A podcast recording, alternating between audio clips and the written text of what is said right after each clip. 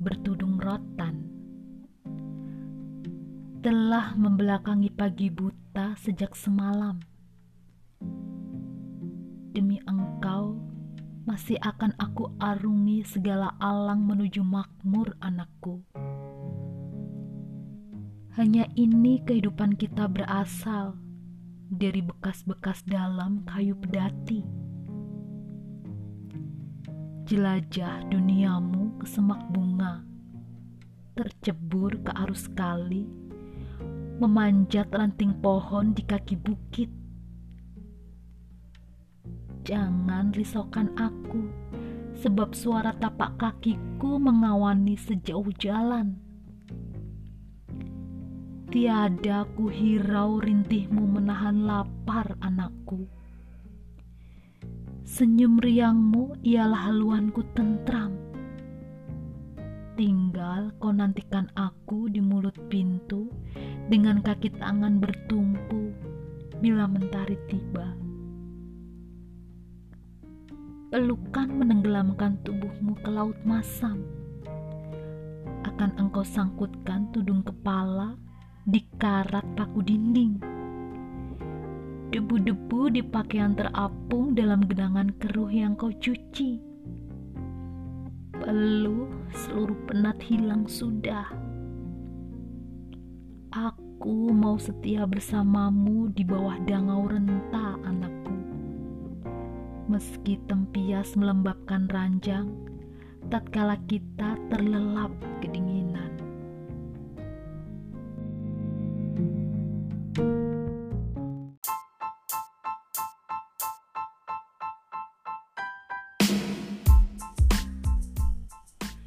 Hai, hello, jumpa lagi bersama Arta dalam temanku bicara bicarakan apa saja. Kayaknya sudah lama banget ya, Arta nggak ngisi episode di podcast temanku bicara. Oke, okay, gak apa-apa. Nah, uh, di awal episode kali ini sudah dibuka dengan satu buah puisi yang Arta bacakan tadi. Sebuah puisi yang dikirim oleh Rahmat Ridwan, salah satu teman dari Arta.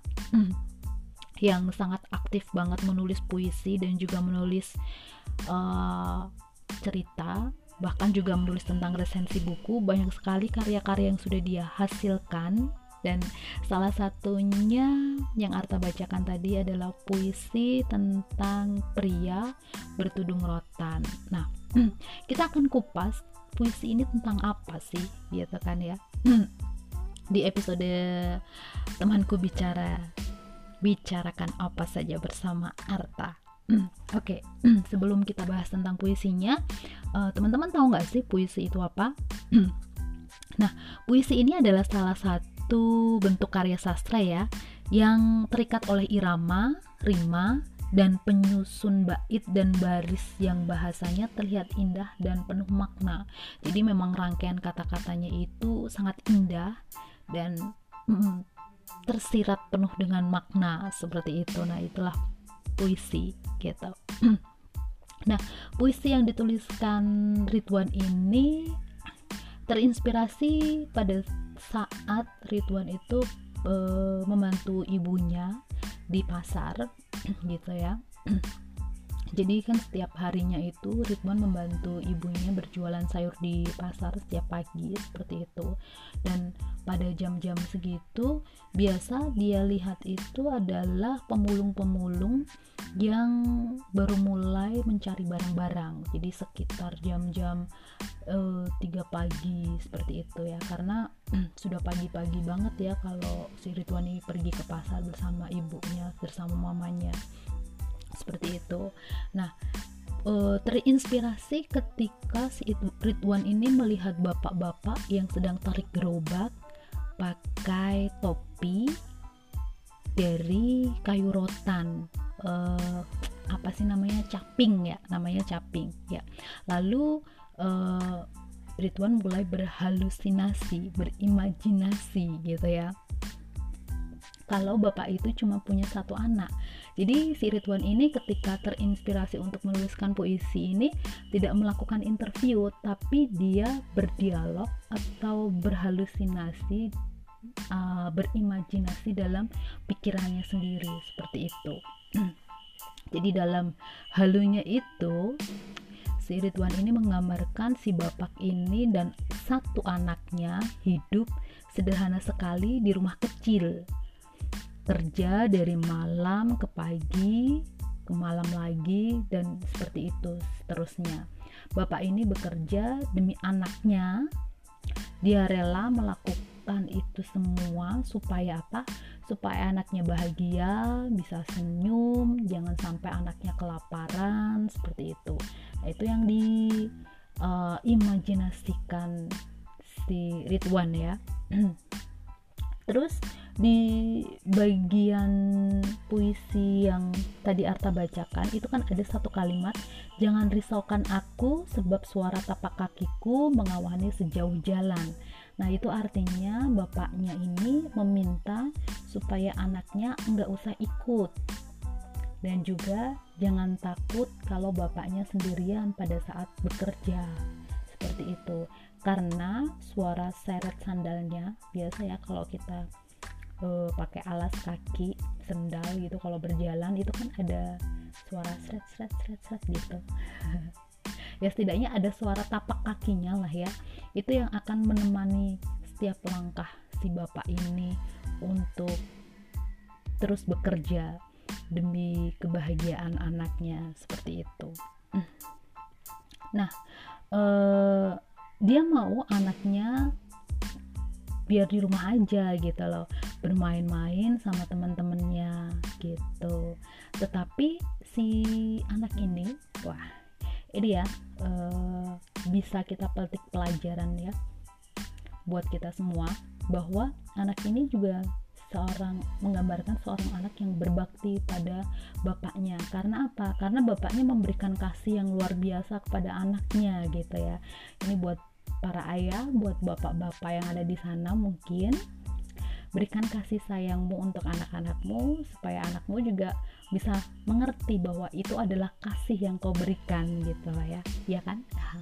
Jadi karena ya kan? Karena bapaknya ini mengasihi anaknya makanya anaknya ini balik ngembaliin gitu loh apa yang diberikan apa yang sudah diberikan bapaknya seperti itu kurang lebih. Jadi li, dilihat ada kata-kata yang dalam puisinya itu bilang akan engkau sangkutkan tudung kepala di karat paku dinding lalu dilanjutkan dengan satu kalimat lagi debu-debu di pakaian terapung dalam genangan keruh yang kau cuci. Jadi si bapak ini menceritakan kalau anaknya ini sangat berbakti. Ketika si bapak pulang bapaknya diminta untuk hmm, segera melepas bajunya yang penuh dengan debu. Lalu anaknya ini merendam dan mencuci bajunya. Setelah itu menaruh topi rotannya itu caping ya maksudnya ya itu di paku dinding kan di rumahnya gitu seperti itu. Dan di bait paling akhir Bapak itu menyampaikan bahwa ia ingin selalu bersama anaknya. Di kalimat yang ini nih Aku akan setia bersamamu di bawah dangau renta, anakku meski tempias melembabkan ranjang tatkala kita terlelap kedinginan. Nah, ini adalah gambaran kesetiaan bapak kepada anaknya. Dia akan selalu menemani anaknya meski tampias. Itu maksudnya adalah bercerita tentang walaupun tempat tidurnya itu kalau hujan sering kena bocor gitu ya sehingga menyebabkan ranjang atau kasurnya itu basah karena tempias hujan seperti itu. Nah, Begitulah kira-kira cerita yang disampaikan Ridwan melalui puisinya ini sangat menginspirasi sekali buat kita semua baik sebagai ayah, sebagai bapak maupun kita sebagai anak. Jadi uh, bisa uh, saling memberikan kasih ya antara seorang bapak dan juga seorang anak seperti itu.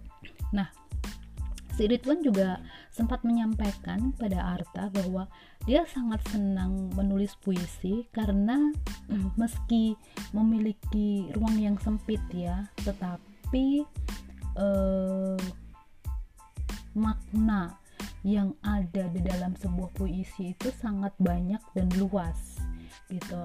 Melalui puisi si Ridwan ini bisa bernarasi berimajinasi e, memiliki tokoh yang dia gambarkan untuk apa istilahnya diceritakan tanpa harus menuliskannya men dengan kata-kata yang sangat panjang dan lebar seperti itu. Dengan pui dengan puisi hanya melalui bait-baitnya saja yang ya tergolong bebas ya nggak seperti cerpen gitu. Maksudnya kalau dibandingkan dengan cerpen kan kalau dari cerpen itu kita harus merangkai kata-katanya mulai dari awalnya gimana ya terus di klimaksnya itu mau seperti apa ya terus di akhirnya nanti ininya seperti apa gitu. Kayaknya bercerita. Jadi mengarahkan si pembaca itu masuk dalam imajinasi si penulis. Tetapi dalam puisi kalau dalam puisi itu kayak cuman menyomot poin-poin yang bermakna. Apa yang dituliskan Ridwan dalam puisinya bisa kita imajinasikan masing-masing gitu kan.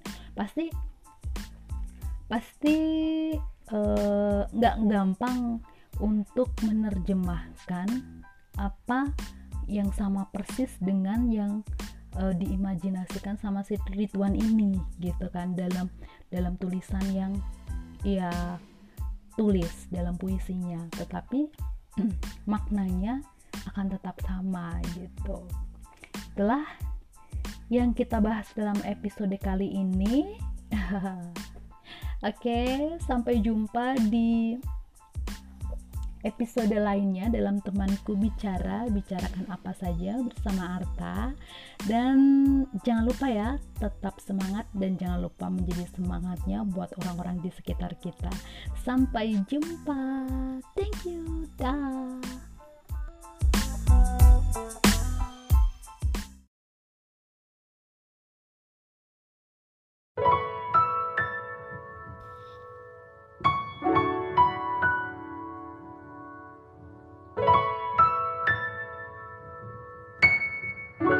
Pria bertudung rotan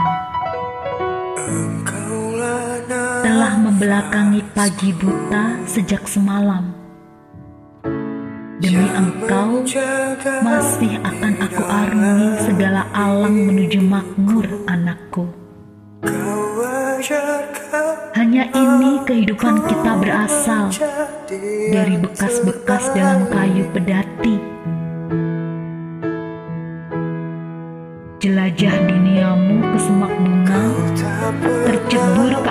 tali, memanjat ranting pohon di kaki bukit.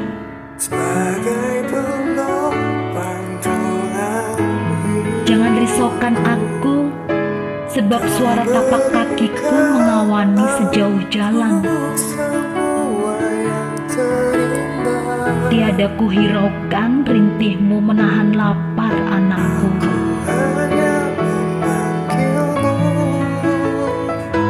Senyum riangmu ialah haluanku tentram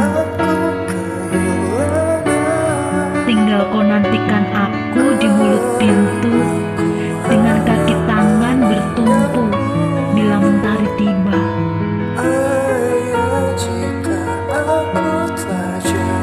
Pelukan menenggelamkan tubuhmu ke laut masam. Akan engkau sangkutkan tudung kepala di karat paku dinding.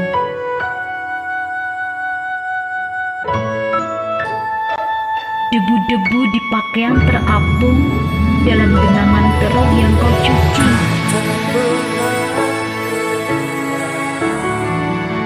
Peluh seluruh penat hilang sudah.